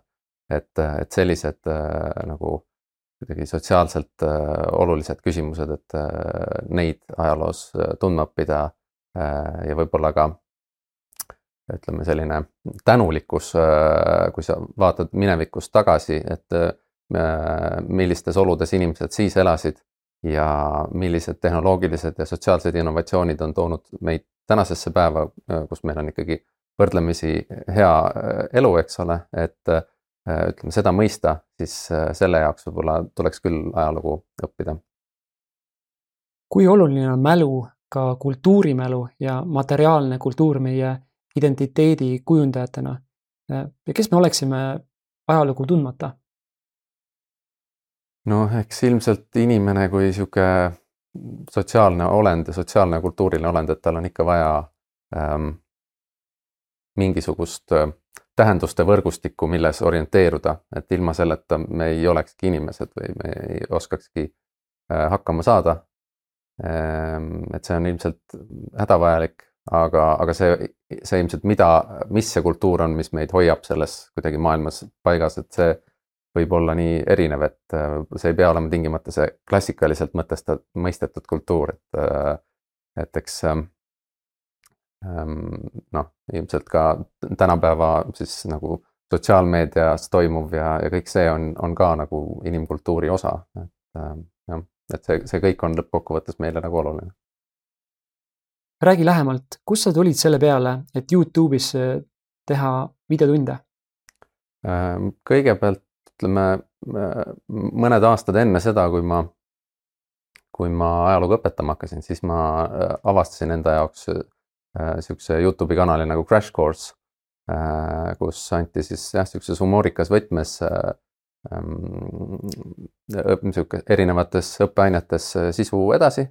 ja ma mõtlesin, et oh, see oleks täpselt selline asi, mille järgi mina oleks tahtnud kunagi koolis õppida. Ja siis ma mõtlesin selle peale, et, et oleks hea, kui keegi Eestis ka sihukest asja teeks. ja siis see mõte nagu vajus kuidagi ära. siis mingi hetk ma sattusin õpetajaks ise ja nägin, et ma kipun nagu pidama liiga palju äh, nagu loengut, et äh, räägin, küll üritan neid asju nagu huvitavaks teha, aga see ei pane nagu õppijat aktiivsesse rolli. ja, ja ma mõtlesin, et, äh, et milleks ma seda asja niimoodi seal ees äh, niimoodi papagoina nagu korrutan, et võiks olla ju selle asemel võtta see kuidagi kontsentreeritult linti ja õpilased vaatavad seda omas tempos äh, ja, ja mingile konkreetsele ülesandele juba nagu häälestatult. et äh, ja siis ma otsustasin, et proovingi seda. ja see, et need Youtube'i niimoodi avalikult üles läksid, see algselt oli lihtsalt nii-öelda mugavuse pärast, et kõige kiirem viis neid õpilastega jagada. Äh, et ma panin nad lihtsalt oma õpilaste jaoks Youtube'i ülesse, mõtlesin, et niimoodi ma saan kasutada näiteks ümberpööratud klassiruumi formaati, et, et nad kodus vaatavad ise videod ära. ja siis meil on tunnis aega rohkem aruteludeks, rollimängudeks, õppekäikudeks ja, ja siis juhtumisi lihtsalt äh, need videod hakkasid seal oma elu elama, et äh, hakkasid levima, hakati teistes koolides kasutama. Minu oma õpilastel hakkasid siis nende sõbrad teistes koolides ütlema, et kuule, me vaatame sinu õpetaja videosid ja, ja niimoodi ja siis nii see läks lumepallina veerema. kuidas sulle tundub, et kas oleks tegelikult vaja siis kõiki aineid ja tunde lahedalt esitada? no ütleme, et tunde kui sellised võib-olla seal ei, ei tohiks nagu õpetaja väga esineda, et ma isegi ennast nagu hoian selles mõttes tagasi, et ma äh, tahaks saavutada võimalikult palju seda, et õpilane on seal tunnis ise aktiivne, ükskõik kas rääkides või mingisugust ülesannet lahendades. Äh, et see, see, seda osa, kus äh, õpetaja äh, nii-öelda teatrit teeb, et seda seal tunnis ei oleks üldse, et see on võib-olla nagu hea, kui see on videos, et see tekitab selle õppematerjali äh, vastu huvi. aga äh, noh, seda meil hariduspsühholoogid ka kogu aeg räägivad, et, et, et õpetaja ei peaks seal klassi ees teatrit tegema, sest siis ta, siis on tema ainus, kes õpib äh, ja ainus, kes on aktiivses rollis. aga ütleme, õppematerjalid kui sellised võiksid ja sealhulgas ka siis videod võiksid olla selles mõttes alati mingisuguse huvi tekitava komponendiga Einstein kolm tuhat. julge muutuda oleme tagasi Einstein kolm tuhat stuudios ja kui sa soovid Kristo Siigiga tehtud pikka intervjuud äh, vaadata, siis äh, liitu www.nutikasvanem.ee lehel meie uudiskirjaga ja sealt saad juba siis selle, selle lingi kätte. ja teen siia vahele ühe reklaamikõlli ka, nii et äh, selle saate toob teieni Insplay. nii et kui tahad toetada meie missiooni Nutika Vanema klubi või Einstein kolme tuhandega, siis väga lihtne üleskutse, et too kogu oma raha meile ja osta oma järgmine selline nutikas äh, mänguasi või äh, progetav robot või, või muu äh, arendav vahend meie e-poest www.insplay.ee ja meie valikus on väga palju inspireerivat ja nutikat nii lastele, noortele kui täiskasvanutele, nii et vaata sealt järgi.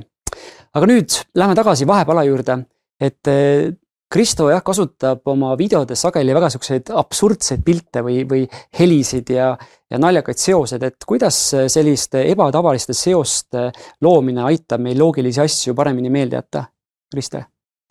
no meelde jääb alati ka nii-öelda see emotsioon ja see on alati teretulnud. ehk siis mina mäletan küll ülikoolist seda loengut, kus ikkagi tuks käis ära kogu aeg, sest hääl oli kogu aeg ühesugune ja hääletoon ja et, et sellised lood ja emotsioonid, need on alati need, mis, mis jäävad samuti meelde. noh, oluline koht ongi see, et noh, Kristo teeb väga kenasti, et ta ütles kenasti sõnadega, teiste sõnadega välja selle, et õpib kõige paremini see, kelle selg on kõige märjam. ja, ja see tema eesmärk ongi, et, et siis, et see emotsioon või see äge või naljakas lugu ei jääks siis äh, nii-öelda selleks, et me seda tagatausta äh, hiljem ei mäleta, et lõpuks on lapsel ainult see äge lugu meeles, et Kristo mingi nali on sealt meeles, aga siis see, et mille kohta see nali tegelikult seal ajaloos käis või et kuidas see seostud on, et see, see, see jääb nagu tagapinnale, aga ma saan aru, et kui tema ähm, tegeleb sellega tunnis nüüd ikkagi aktiivselt edasi, sest et õppijate seljad on märjad, et siis, siis, äh, siis ei saa seda olukorda vast tekkida täiendan veel sinna juurde, et üks asi on emotsioon, absoluutselt, et noh, need absurdsed või taval-, ebatavalised asjad on, on need, mis emotsiooni tekitavad ja, ja selle abil jääb paremini meelde. ja teine asi, mis eh, hästi hea on, kuna Kristjan on ajalooõpetaja, siis ajaloo on häid, on hea, see on hea. mida me ajaloost mäletame või keda me mäletame ajaloost? kas me mäletame tavalisi asju või ebatavalisi asju? me mäletame ebatavalisi asju. ehk ebatavaline jääb paremini meelde ebatavaline tekitab selle ah, vau, oh, ah, mm, i, ah, tekib emotsiooni, on ju. tavaline, tavaline õpp, täpselt seesamane menotoon, mul oli üks kunagi üks kursusel üks õpilane, üks osaleja ütles, et tema tegi äh, tipis, kui ta õppis, õppejõud samamoodi monotoonselt luges, ta tegi eksamil tagasi, vastas samamoodi. õppejõud jäi magama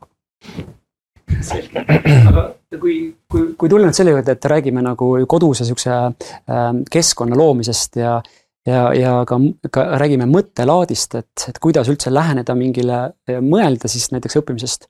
et, et kui, kui lapsevanemad tahavad seda toetada, et, et lapsed ei, ei siis ei väldiks selliseid raskuseid õppimisel ja ega annaks kiiresti alla või, või vaid pigem võtaks õppimist kui väljakutset, et mida seal võiks soovitada?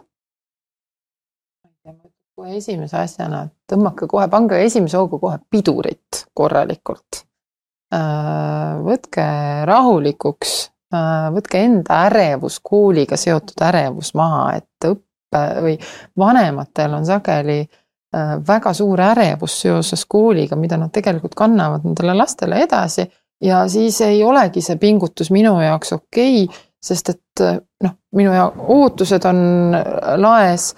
see annab mulle selle info, et õppimine peaks justkui toimuma kiiresti kui ma ebaõnnestun, siis on äh, minu ema-isa ärevil. Äh, ja, ja, ja see sellise rahu ja toomine ja, ja mõistmine, et õppimine vajabki aega. kui me saame ühest olulisest asjast aru, et aega on vaja, pingutust on vaja, eksimusi on vaja.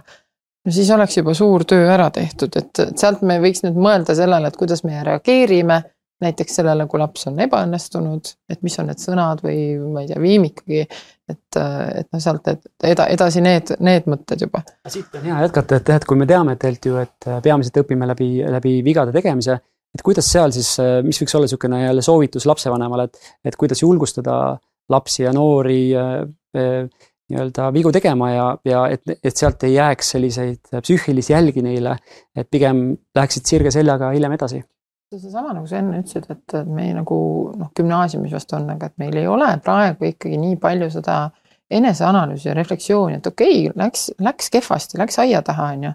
aga milles asi oli? et kas õppija arvab, et äh, neid küsimusi polnud kordamisküsimustes äh, või, või kuidas ma üldse õppisin, mina vanemana olen noh, reaalselt olnud olukorras, kus ma nägin, et mu laps õppis, seitsmendas klassis ajalugu muide, äh, mitu peatükki koos ja ma nägin ajaliselt, et ta õppis, ma sellel hetkel ei süvenenud, kuidas ta õppis. ta sai kahe selle järgmisel päeval. ta oli väga suurepärane ajaloo peatükkide läbilugeja.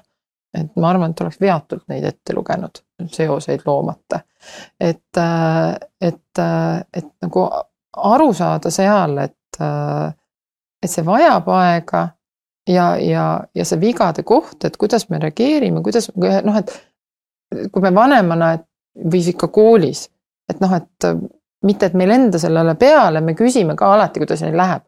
ja siis me oleme hädas, et nad ütlevad, et hästi või siis mingil hetkel ütlevad normaalselt, et siis on nagu hästi, kui normaalselt läheb. et, et aga kas me paneme neid ennast analüüsima tegelikult ja, ja seda, seda seda õppimist nagu mõtestama ja, ja seda, et ku, kuidas see nende pingutuse koht on olnud.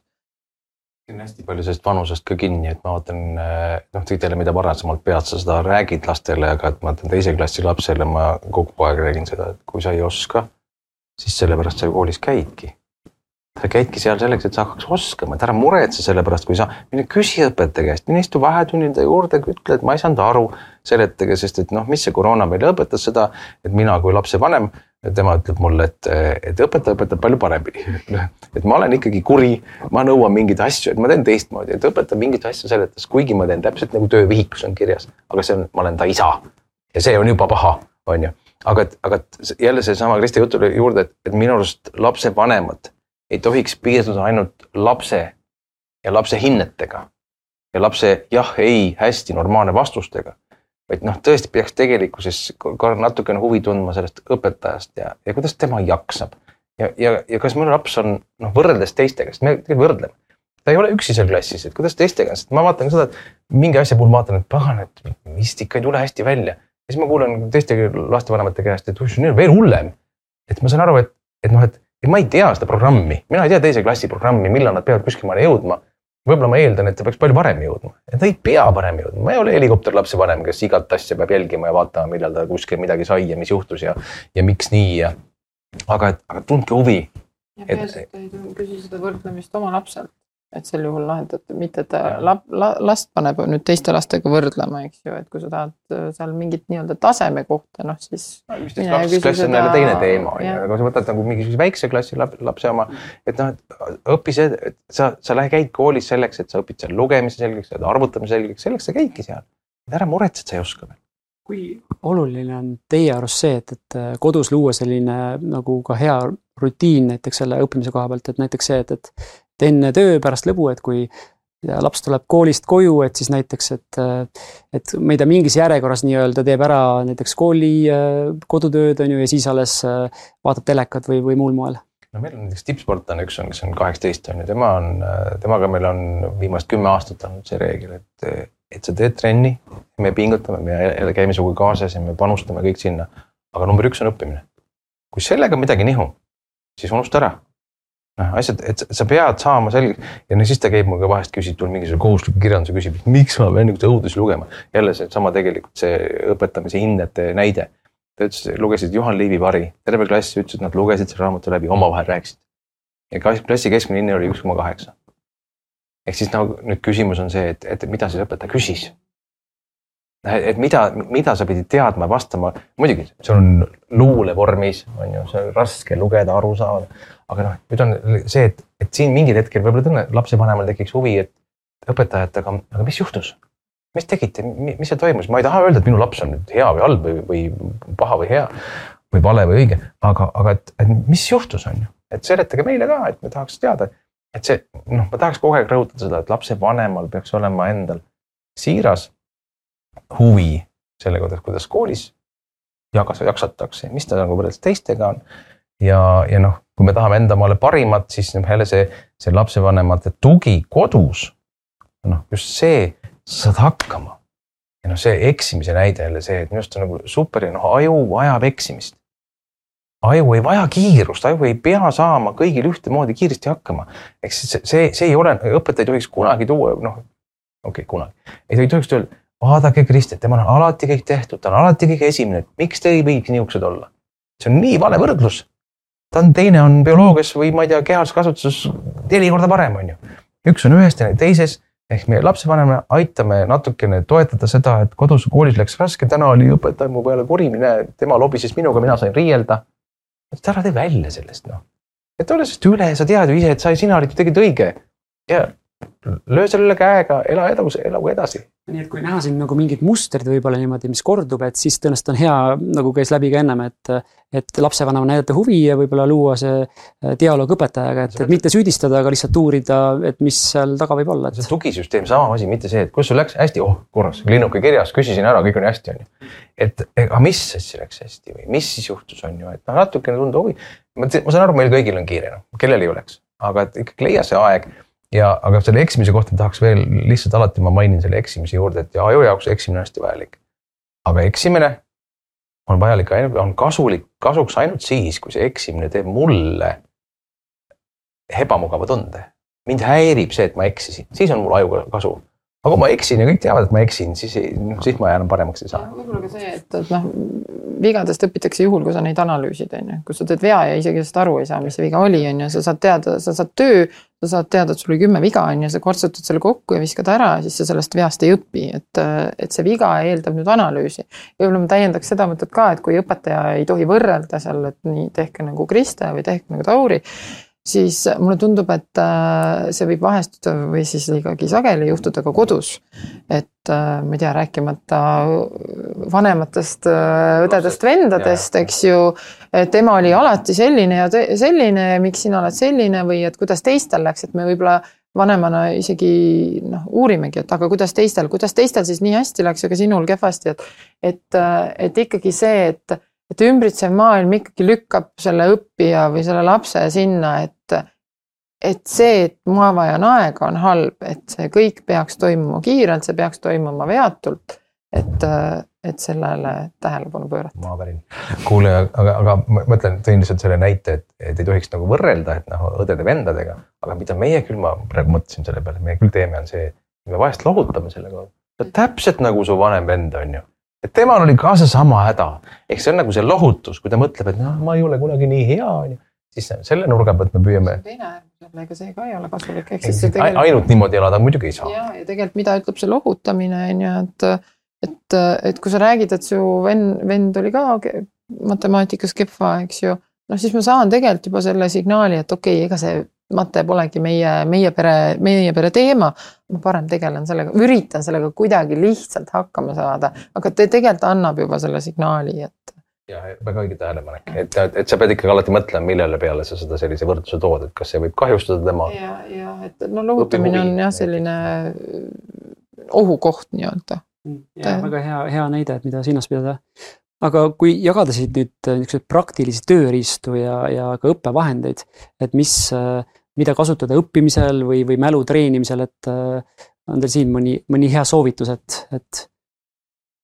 mina ei tea, mul on küll see, et kui, kui väiksema klassi äh, laps ei kirub, et issi on nii kuri ja õpetab, siis äh, suurem käib alati minu käest, et kuule, tule aita mul õppida.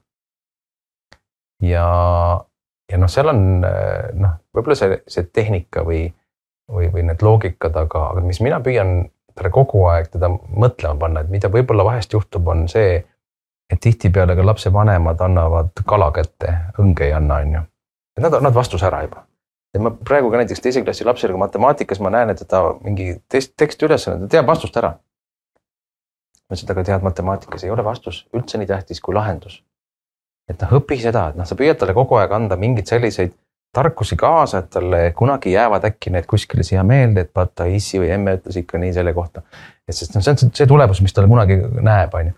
ehk sa pead mõtlema ja ma kogu aeg toonitan ka lapsele, et, et tegelikult sa õpid ju mõtlemist. seega sa saad, sa pingutad selle ja sa saad võib-olla mingisuguse ägeda asja kuskil oma mingi legodega mingi asja välja mõelda selle tõttu, et sa said matas mingi asjaga ise hakkama. ja ise jõudsid lahenduseni, on ju. et noh, see on see ja noh, muidugi need süsteemid, ma tegelikult olen lastega neid erinevaid mälutehnikaid ka teinud, et me oleme luuletust õppinud nii, et me tegime köögi, köögi, käisime mööda kööki. iga kapi ukse sahtliga oli mingisugune seos. et need on siuksed noh, asukohatehnikad või noh, lokisüsteemid või kuidas iganes neid siis nimetatakse. ehk sa saad neid asju ära praktiseerida ja noh, kui ma lastega teen mingisuguseid tunde või koolitusi, siis ma ka neid demonstreerin, et kui lihtne tegelikult on, et ega see neli ja pool tuhat piigoma kohta, noh, see võib olla vähe või palju see võib olla noh, mõttetu või mõttekas, aga selle point oli see, et see on piisavalt pikk numbrite jada, mis lihtsalt pähe ei jää. et selleks sa pead hakkama looma mingisuguseid mustreid, mingeid seoseid, mis teevad asja lihtsamaks. ja kõigi tehnikate mõte on see, et asi lihtsamaks. ja ma tõin lapsele, kui õppis vene keelt, vene keelt sõnadele puhul, kuidas seoseid luua, kuidas see teha talle, sest ta ütles, mis on vene, eesti lastel vene keelega kõige esimene raskus on kirillitsa ehk siis venekeelsed tähed Nad kirjutavad, tahaks kirjutada sõna, tulevad pagana eestikeelsed tähed, noh, vale sõna. ja siis me hakkasime tegema seoseid, kuidas sellest kirjapildist luua temale, kas mingi jabur täitsa nii naljakas, mul oli lõpuks nii, et mul olid munad märjad juba, silmapunad märjad niimoodi, ma ma enam ei juhtunud kaasa mõelda, sest tal tulid siuksed asjad. aga, aga see, järgmine päev tulid viis, sain tunni töö viiega. et kirjapilt, kuidas see luua seosed läbi jälle sellise mängulisuse läbi naljade, läbi mingi põnevate teistmoodi mõtlemise on ju. aga see on jälle mingis vanuses, noh, teine klass võib-olla ei taha veel, ta tahab nii nagu õpetaja ütleb. Kristi, on sul veel midagi niimoodi praktilisi Jaa. soovitusi anda siit? ma väga hästi täiendaks seda, seda mõtet, et see kala antakse kätte ja noh, sageli, et no selle koroona esimese kevade ajal, eks ju, õpetajad olid hädas, et äh, lapsed saadavad nende oma vanemate veatud töid, on ju. noh, tegelikkuses, kus on see kala, on ju, see kala on siin, et tegelikult vanem on ärev, et ta arvab, et ta peab saatma selle õige, selle, selle korrektse töö on ju, ilma vea, noh vigadeta. et noh, jällegi, et mis see õppimine siis on ja, ja, ja absoluutselt, absoluutselt, et, et sa oledki selle ära teinud ja siis sa tegelikult, kui sa siis, siis me abistame ja, ja lõppkokkuvõttes hakkab see laps, laps ootamegi seda vastuse abi. selle asemel, et siis, kui sa tuled, ütled, et no ürita ennast tagasi hoida, sul on laps kaks pluss kaks. Ürita öelda, et noh, öelda seda selliselt, et, et sa ei ütle neli, vaid sa hakkad teda kuidagimoodi, täpselt, hakka tegema, nii palju lihtsam on öelda neli, eks. Ja, ja ongi olemas, aga ta ei saa sellest mitte midagi, mul hästi üks üliõpilane, venekeelne üliõpilane ütles ükskord jube hästi mõnusalt loengus, et, et ähm, kui ma noh, eluolukorras vajan mingit sõna ja ma küsin sinult selle ja kohe saan, siis mul on see kohe meelest läinud hetke pärast ja kui ma olen üksinda ja ma pean kätte saama selle sõna kuskilt, siis mul jääb see päriselt ka hiljem meelde. ilma pingutuseta, vaata ja see on see näide, mis ma tihtipeale toon, et kui, kui vanasti, noh jälle mina näiteks ülikooli ajal, kus ma sain teada midagi. Läksid raamatukokku, ehk sa pidid minema, sa pidid leidma raamatut, sa pidid leidma koha, sirvima, lugema, töötama. aga tänu sellele jäi see meelde. täna sa saad vastuse, klõks. järgmine küsis, mis see oli. oota, ma vaatan, mis see oli. ma ei mäleta enam, mis see oli. sest et noh, see on nii lihtsasti kättesaadav. noh, muidugi võiks jälle öelda seda, et aga see kõik lähebki nii. ja noh, elu nii ongi, sa ei peagi enam raamatukogus käima. ja aga vaata, seal on see teine pool ka, üks on see, aga teine pool on see, et kui me nüüd mõtleme, et see vanem peaks ennast tagasi hoidma, eks. et mitte seda kala anda ja, ja pigem suunata, siis ta peab arvestama ka sellega, et selleks läheb aega. et see, et äh, ta peab pingutama, et ta ilmselt eksib seal, ehk siis see on jälle see lapsevanema teadlikkus õppimisest, et kas lapsevanem saab aru, et ta ise ei muutuks ärevaks. mul lapsel läheb aega sellega, nüüd on ta rumal äkki, ei ole, see on õppimise protsess super, et me Eks- selle praegu siin nagu väga selgelt välja ütlesime, et see on, ma usun, hea meenutus kõigile. aga hüppame siit nüüd äh, meie külaliste küsimuste juurde. Me saime palju küsimusi ja, ja, ja proovime siit äh, äh, mõned kohe ära vastata ka. et äh, me nimed oleme ära muutnud, Tiina küsib, et kuidas laps jõuaks teadmiseni, et õpime endale, mitte vanemate, õpetajate kohustuste või hinde pärast. et väga hea küsimus. Krista, alustame sinust. nii, läks Kristi sealpool istuda, sa saad kohe alati. kogesin alustada, eks ju, et äh, mm, tead, selle, selle hinde või teiste pärast õppimisega on, on kuidagi see, et me tahaks kuidagi seda vastutust neile anda ja sageli me ütleme neile nii-öelda justkui võta ja vastuta. ja, ja, ja ole sellega, et äh, aga kas see õppimine, minu jaoks on alati kaks olulist kohta, kas see õppija jaoks on üldse mõtestatud ja eesmärgistatud. Et kui see minu jaoks ei ole mõtestatud või eesmärgistatud, siis ma teengi seda õpetaja jaoks ju, lihtsalt selleks, et ellu jääda, see on vaja ära teha, mul ei ole muud varianti. et äh, ma räägiksin eesmärgistamisest ja mõtestamisest ja mitte sellest, et ma õpetajana tulen ette ja ütlen, seda on sul selleks vaja. või et ma lapsevanemana ütlen, et sul on seda selleks vaja, et kunagi äh, kümne aasta pärast ülikooli minna, see on nii kauge eesmärk nende jaoks, nad, see, see ei ole käega, käega katsutav. Vaid see õppija perspektiiv, et kas me noh, päriselt arutame, et äh, kas te olete uurinud, noh, mis nad arvavad, miks seda kõike vaja võiks minna? see on äh, jälle vanusest erinev on ju, et, et esimene, teine, kolmas klass, äh, tõenäoliselt ei olegi siin lapsel küsimus, miks me seda õpime, et ta võib-olla küsib, et miks me koolis käime või miks ma mängida ei saa või mingid muud asjad on ju. et mingis vanuses on see, ma vist ei tea ühtegi last, kellel ei oleks kunagi peast läbi käinud küsimus, õpetaja, miks me seda õpime? Mõni julge on isegi küsinud seda on ju õpetaja käest. ja kui ta seda vastust ei saa sellest, mis talle sellest õppimisest kasu on. ehk kui õpetaja ütleb, et aga programm näeb ette, koolikohustus on sul ja mina ka ei tea, see on siin kirjas niimoodi. et noh, siis, siis on see täpselt samasugune, et rohkem mind ei huvita. ma ei taha rohkem õppida. aga õpetaja nüüd jälle, selle õpetajani jõuame kahjuks, et ta peab või siis lapsevanem, kuna kes täna on meil ikkagi siin kuulajaks põhiliselt. On see, et õpetaja kodus peaks seda, seda mentaliteeti, seda seletama, et see on sul selleks vaja, et sa saaksid oma sporti teha sa õpid pingutama, sa õpid keskenduma, sa saad oma spordis tulemusest, tahad saada sinna tippu. sa ei saa sinna, kui sa koolis ei õpi selgeks, mismoodi su pea töötab, kui ta ei õpi pingutama, keskenduma. kohustuslik kirjanduse kõige lihtsam põhjus, miks kohustuslikku kirjandust vaja lugeda, on see, et sa õpiksid keskenduma. õppida igavale tekstile keskenduma, sest kui sa keskenduda ei suuda, siis kõik edasine elus on sul ju null. Ja väga, väga hea soovitus. aga siis võtame järgmise küsimuse Toomaselt kuidas õpetada last armastama raamatute lugemist ja siin on, seda küsimust tegelikult tuli mitmelt vanemalt, et siin on ka erinevad vanused, et on kaheksa-aastase kohta või siis seal juba, juba teismeealise kohta, et Tauri, kuidas sa? sunniga edasi ma Rein, sul enda lapsest oligi, kuidas mitte panna armasta, armastama neid? ja tead, see on samasugune näide nagu äh, me tahame mingil hetkel, et lapsed oleks meil köögis abiks.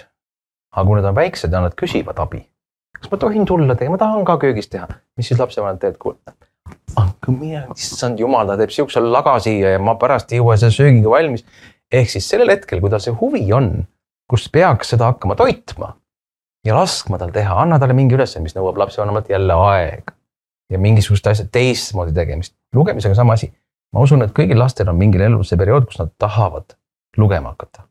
tahavad seda, sest et temal sõber loeb või nüüd nad said tähtedega nii kaugele, et nad juba saavad või koolis tekib või lasteaias tekib see kuskil.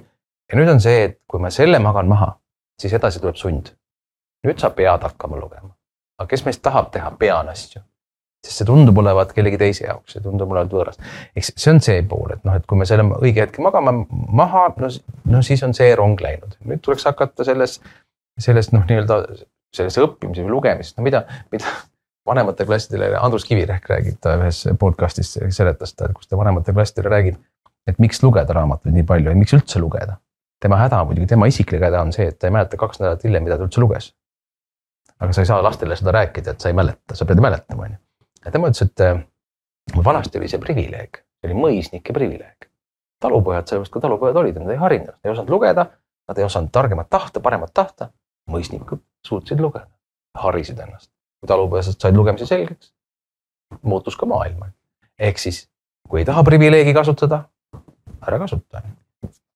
nii, aga siis Birgit küsib, et kuidas suurendada lapse vastutus ja kohuse tunnet, et inimene kipub ju, ju vältima ebameeldivaid tegevusi mm -hmm.? noh, natukene võib-olla läheb selle, selle esimesega kokku, et sama, et noh, üleüldse, et mida me peame nagu ebameeldivaks, et, et kui me saame aru, et see kohati tunduv ebameeldiv on tegelikult täiesti tavaline õppimise osa, siis, siis me saame selle mitte niivõrd ebameeldivaks enda jaoks mõelda. ja loomulikult, kui ümbritsev maailm annab meile neid signaale, et vead ja pingutamine ei ole okeid ja nendest tuleb joosta, üldiselt ongi, õppijad kipuvad noh, sellise kõige tõhusama õppimise eest jooksma kõige kiiremini, sest see tundub, see tundub raske ja see tundub noh, selles suhtes, et see nii-öelda noh, nende eneseväärikust noh, selline ohustav, et kui keegi saab aru, et ma äkki olen rumal, ei, sa juhuslikult õpid. et, et seesama arusaam, mis see õppimine on, et ta oskaks seda vastutust ja kellelegi ei saa seda vastutust sedasama kohuse, kohustusega nii-öelda sunniga peale panna, vaid tegelikult see ümbritsev keskkond, et kas ta on sellist, no seesama, et kas ma annan, kas ma suunan teda, kuidas ma teda toetan, et kas ta hakkab ise tahtma vastutada selles, et minu arust me võiks nagu enam mõelda sellele, et see keskkond suunaks seda õppijat ise tahtmagi, oo, et kui ma sean juba mingid eesmärgid, kui ma, kui mind pannakse kogu aeg mõtestama ja eesmärke seadma ja tullakse tagasi, ma tulen ise tagasi ka, kuidas mul läks. et siis, siis ma hakkan ise ka enam vastutama, tahtma seda vastutust. ma arvan, et ikka lapsevanemad peaks peeglisse ka ikka vaatama. sest ega see kohusetunne ja, ja selline suhtumine üldse mm, kohustustesse on, võib olla ka meie enda selline muster, ma tean, Ingvar ja, ja Rita siin eelmises, eelmises saates rääkisid ka sellest nii-öelda kodeerimisest, noh, laste, lapsed annavad, lapsed võtavad lastest, vanematest nii palju vastu. ja isegi me ei tea, kuidas nad võtavad, nad võtavad juba niisuguses vanuses selle, imevad enda selle sisse, et me, me kujundame neid juba väga varakult. ja, ja me mõtleme, noh, me peaksime iseennast vaatama, kasvõi noh, ka need alates nutiseadmetest kuni, kuni, kuni käitumise või lubadusteni. kasvõi see, et kui sa nii teed, siis ma keelan sul selle, siis sa oled koduarestis, mitte kunagi ta koduaresti ei lähe.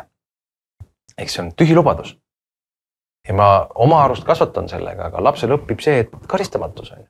ja niisugused väiksed asjad, nagu väiksed tegelikult on suured.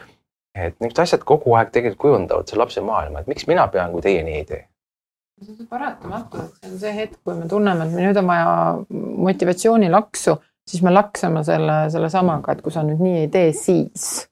ja see hetkel tundub töötavat justkui, ehk ta hakkab tegutsema aga see, mis tal tegelikkuses, mis see pikem, pikem tagajärg on, et sellele ei osata mõelda. head asjad, mida niimoodi tähele panna, et kui tõenäoliselt, eks me kõik teeme mingitel hetkedel vigasid, aga tähele panna, et, et seda, seda märgata. aga nüüd lähme siit meie ankeedi juurde ja, ja siin teil kolmest erinevast teemast küsimused ja, ja palun vastake siis nii lühidalt kui võimalik. esimene on mängulisuse kohta Äh, milliseid praktikaid kasutada, et tuua oma ellu rohkem mängulisust? Tauri, alustame seekord sinust. Äh, no üks asi muidugi, mul on kaks, kaks maailma, üks on kodumaailm, teine on nagu töömaailm, eks, et mu töömaailmas on hästi palju mängulisust, et, et äh, ma, ma tean seda, et õppimine mingis vanuses, kusjuures muidugi meie aju otsmiku sagar ongi see, kes selle mängulisuse täiskasvanul ära rikub ja nagu ma ükskord Harri Tiido ühte seda taustajuttude lugu kuulasin Vikerraadios, siis ta ütles, et seda on võimalik ka täiskasvanul välja lülitada näiteks alkoholiga. muutub ka kohe mänguliseks, on ju.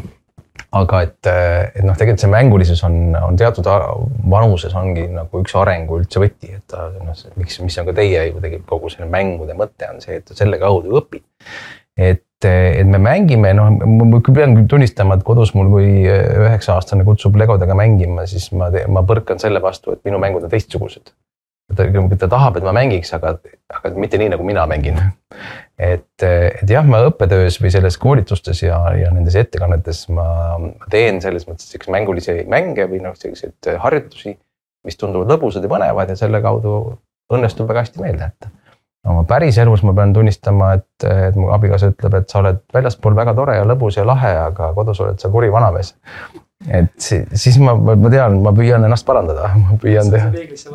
no on absoluutselt no.. nii, Krista, kuidas sina? minu samamoodi, mul on neid maailma, maailmas nüüd mitu selles suhtes, eks ju, et äh, ülikoolimaailm, koolimaailm, kodumaailm. Et, äh, et võib-olla kõige mängulisem, kahjuks vabandust, kaheksa-aastane, sul oli üheksa-aastane, on see mängumaailm võib-olla kõige mängulisem seal koolis äh,. ikkagi, kus noh, ikkagi paratamatult äh, tuleb mäng, on, on osa õppimisest äh,. kodus ma pean tunnistama, et ma võiks olla mängulisem, aga ma ütlen, et ikkagi on teatud mängud meil, meil olemas ja ja ma üritan iseennast päriselt ka ikkagi kasvatada ja võtta nagu seda aega lihtsalt, et me, ma ütlen, me tormame ise samamoodi, ehk meil ei ole aega, me küsime, kuidas läks, ahaa, läks hästi normaalselt, ahah, kõik korras. said, said kahe, issakene, miks sa kahe said? et, et lihtsalt võtta seda aega äh,, analüüsida ja võtta seda aega lihtsalt olla ja koos kasvõi mängida. aga see on, vajab ka arendamist endas. Aga lauamängud muidugi, ikka. nii, aga teine teema on elukestev õpe. Äh, mida sa viimati õppisid enda täiendamiseks ja too hea nipp, kuidas sa õppisid? Krista. Ah, mis ma õppisin enda täiendamiseks? praegusel hetkel on need enda täiendamise sellised teemad juba sellised, et noh, mis mul enda huvist tekivad või noh, tekib mingisuguse teemaga teatud äh, klikk.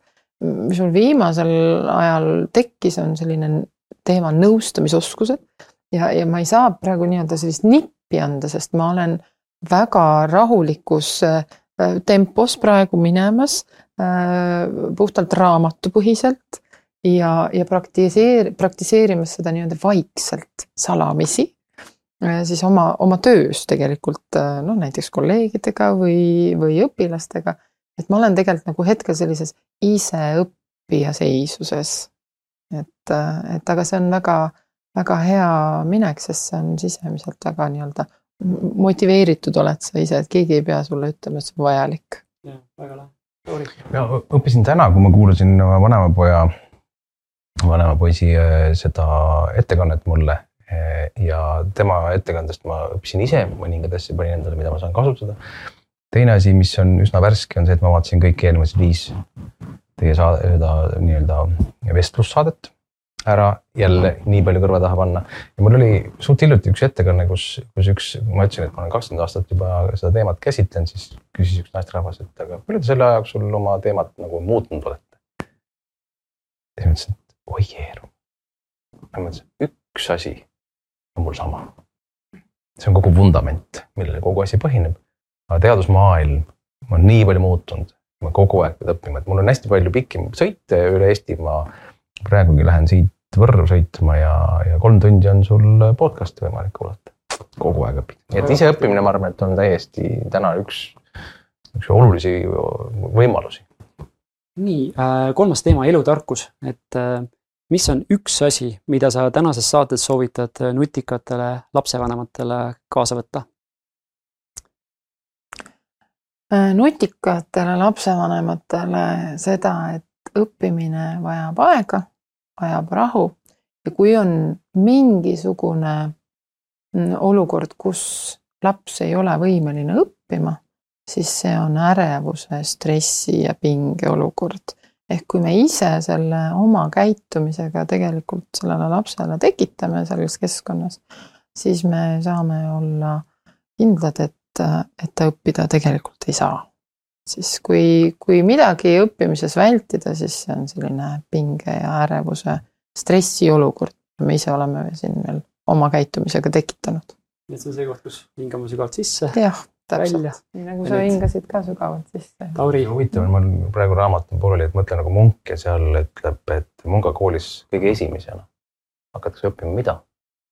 hingamist. hingamist, sest see on see, mis jääb alati sinuga, niikaua kui sa elad, on sinu hingamine kogu hästi põhjalik, et seda, seda õigesti teha ja sellega rahustada, ärevust maha võtta, õpetada lastele selgeks, aga ma selle, selle mõtte võtaksin kokku ähm, professor Ülo Vooglaiu Äh, elutarkuse või tema, tema õpetajate õpetusega on see, et targaks ei tee mitte õppimine, vaid mõtlemine. et see, kes on viitele õppinud, ei tähenda, et ta on edukas elus looma muid asju, ägedaid kihvte asju maailmas. Loovus, millest siin Jaan Aru rääkis, on ju, ja, ja Anni Aru on ju. et see tegelikult on mõtlemisoskus ja see nõuab pingutust. väga raske töö, aga mitte võimatu ja Märt, siin tuli väga häid, häid soovitusi, aitäh jagamast, et ja mis me tihti siin saates ka tuletame meelde lapsevanematele, et, et olla isegi eeskujuks lastele. et selliste elukestvate õppijatena, et, et jagada enda ka neid kogemusi, et kui me küsime lastelt, et mida nemad õpivad, siis jagada ka enda õpikogemusi ja ebaõnnestumisi, et see on nagu julgustus lastele. ja et, et vigade, jah, vigadest nagu vigade tegemine ja sellest nii-öelda järelduste tegemine, et see on suurim õpetaja ja, ja aitäh kõigile kuulajatele, kes olid meiega lõpuni kaasas, et loodetavasti te saite siit nii mõndagi kõrva taha panna. uus saade on meil tulemas mais teemal ohtlik ja kasulik ekraaniaeg nii et telli siis nutikasvanem.ee veebist äh, uudiskiri ja sealt saadame sulle kohe uue saate info.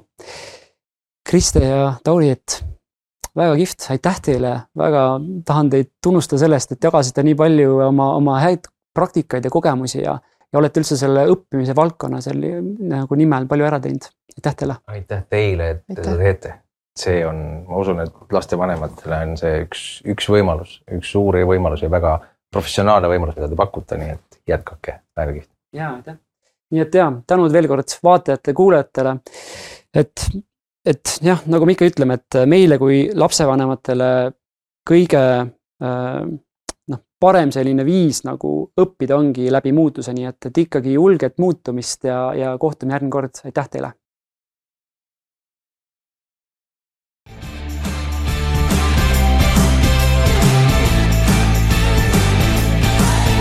Julge muutuda